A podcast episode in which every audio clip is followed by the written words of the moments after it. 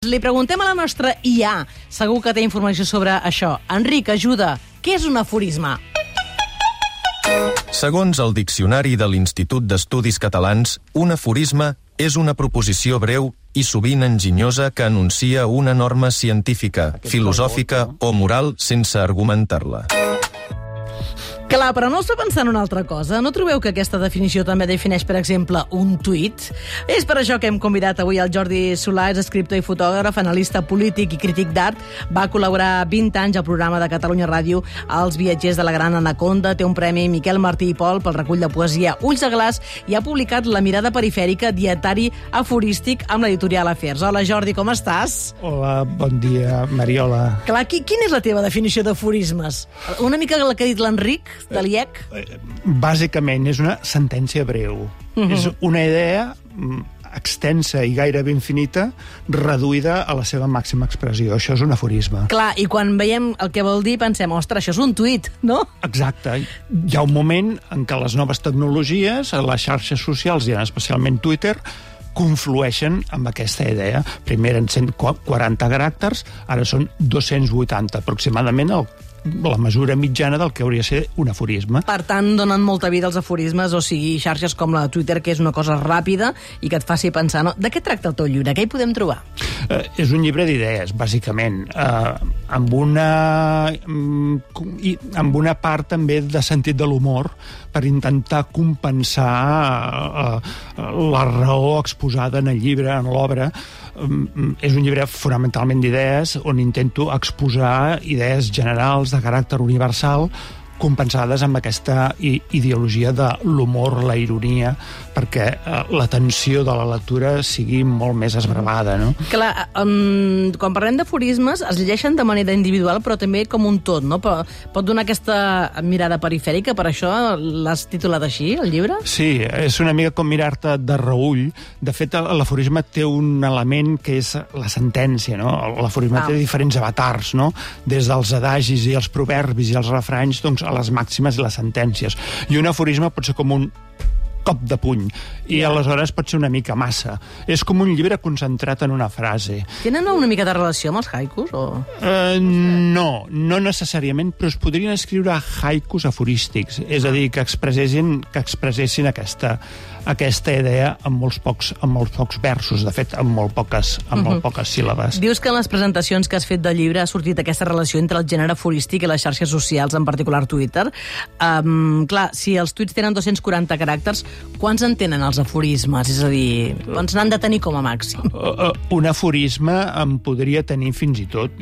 Aquí hi haurien discussions entre estudiosos de la literatura, però en podria tenir 400 i 600 fins i tot. Vull dir, Friedrich Nietzsche la seva obra en general, el filòsof alemany, la seva obra en general gira a, a l'entorn de l'aforisme. I després hi ha un altre gran autor de la Xina clàssica, que és Confuci, que tothom coneix i ningú ha llegit, i que tota la seva obra, les electes, gira eh, també al, al voltant de, de, de l'aforisme. Ara bé, un aforisme mm, breu, dues vegades millor. Els aforismes del teu llibre acaben amb un punt. Els tuits no se'n sol posar perquè sona una mica sec, antipàtic i massa... O sigui, diuen, no, no es pot acabar. Fins i tot els nostres adolescents diuen, per què acabes un WhatsApp, un, un missatge amb un punt que queda contundent? És una de les diferències, també, no? Sí, també, sí, en efecte. Seria una de les diferències i en aquest sentit, doncs, l'aforisme et dona prou llibertat a l'hora de poder crear eh, sense restriccions, no?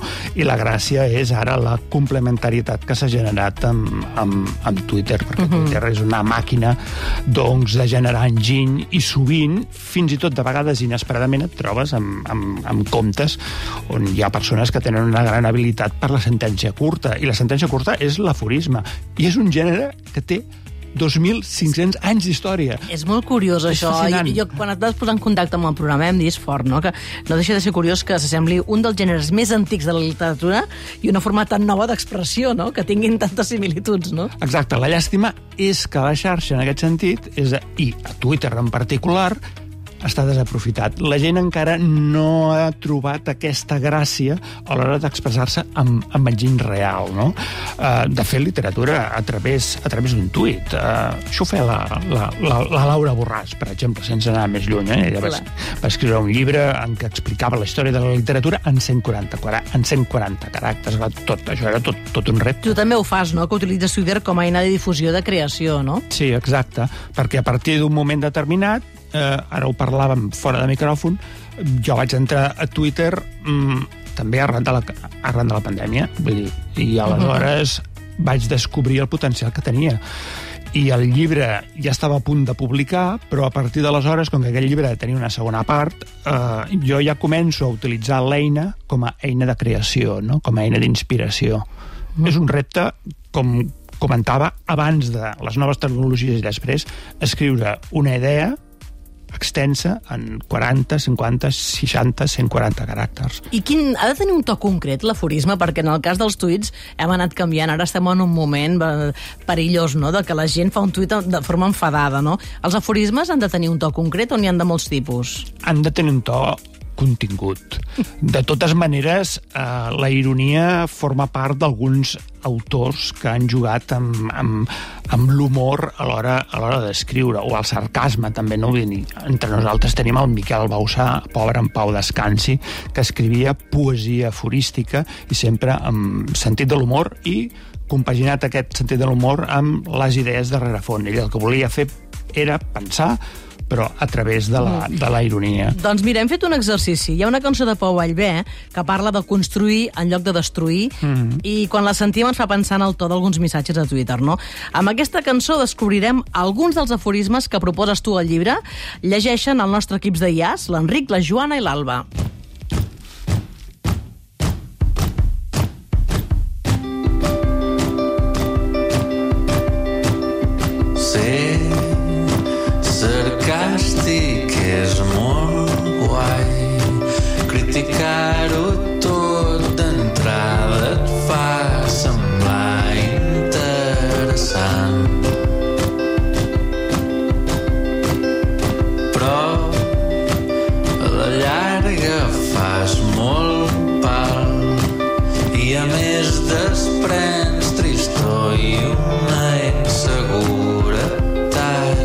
out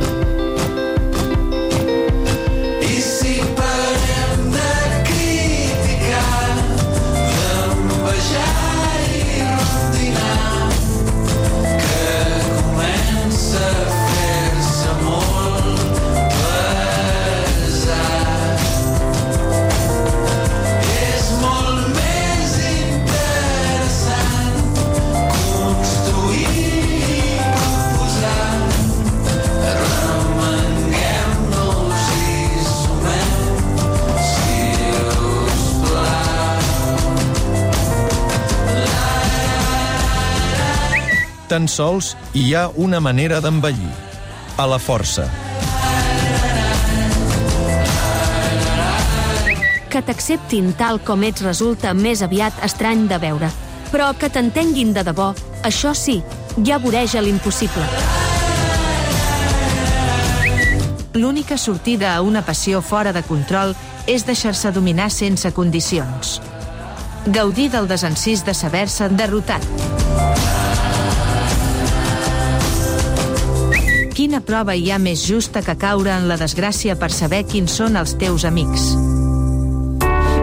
Veus? És un exemple, no? Dic el sarcasme que deia el Pau Allvé i després els teus, els teus aforismes, que, Jordi, que, que de fet tu, alguns dels aforismes que has tuitejat els has posat també en una foto i aquests fotògraf, sí. i dius, si havien molt, per què has fet això? Clar, el gran repte en, en el cas de Twitter, tot i que Twitter no llueix precisament en el tema, en el tema iconogràfic, en el tema visual, però quan tens una idea és després com la il·lustres. Jo quan escrivia el llibre no tenia una, la, la idea d'imatge al cap, però després, quan m'obro uh, el meu compte de Twitter i començo a utilitzar-lo com a eina, sí que cerco la relació entre imatge entre imatge i text. Mira, per exemple, poses una biblioteca, dius, en aquesta foto d'una biblioteca que acompanya l'aforisme, el saber sí que ocupa lloc. I, clar, és un, és, és un lloc. És una biblioteca amb dos milions de volums i, evidentment, ocupa lloc. Allò que diu el saber no ocupa Doncs Jordi, estarem esperant una mica la segona part aquesta que ens estàs a... ja ens vindràs a presentar la segona part i ara mira, fem una connexió amb la nostra dona a Twitter per saber què és tendència en aquests moments. Clar. Sílvia Creus, com sempre en dilluns es parla molt d'esport, no?, en aquests moments? Sí, comença bé, eh, comença bé molta conversa sobre el Madrid City de Champions de demà, però també encara es parla de la Copa del Rei, en paraules com Osasuna i Vinícius, també de Carlos Alcaraz, que va guanyar el Mutua Madrid Open i va començar el discurs de campió amb un lo primero de todo, com estan les màquines, i també es parla del Gran Premi de Fórmula 1. És tendència Francis Montesinos Han detingut el dissenyador per presumptes abusos sexuals a un menor. i continua el trending tòpic l'etiqueta Dia de la Mana. Més enllà del típic debat entre els que celebren el dia i els que no, i els que dediquen publicacions a les seves mares presents o absents, ho va patar un fil col·laboratiu de Cristian Bilbao amb típiques frases de mares amb més de 600 aportacions, des de què hi ha per menjar, menjar, fins que mira que si ve, hi vaig jo i ho trobo, o ni consola ni consolo, això no és una pensió, et penses que sóc al Banc d'Espanya, o porta'm allò que hi ha sobre el de Llonses. I també es va viralitzar molt, moltes queixes per la campanya de Wallapop. Sí que es va dedicar a enviar missatges als seus usuaris que deien mama, trucada perduda, t'està trucant perquè venguis el que no fa servir. I clar, Twitter es va omplir de queixes de gent a qui li va fer un salt al cor quan els va saltar la notificació, algun literalment quan sortia del cementiri a dur-li flors. I tot i el munt de mencions, Wallapop no ha dit res. Bé, doncs, eh, gràcies, Sílvia, i gràcies també al Jordi Solacoll, escriptor i fotògraf, autor de La mirada perifèrica, que ens ha obert la ment amb els aforismes i paral·lelisme amb els tuits. Gràcies, Jordi. Moltes gràcies. Una abraçada. A vosaltres.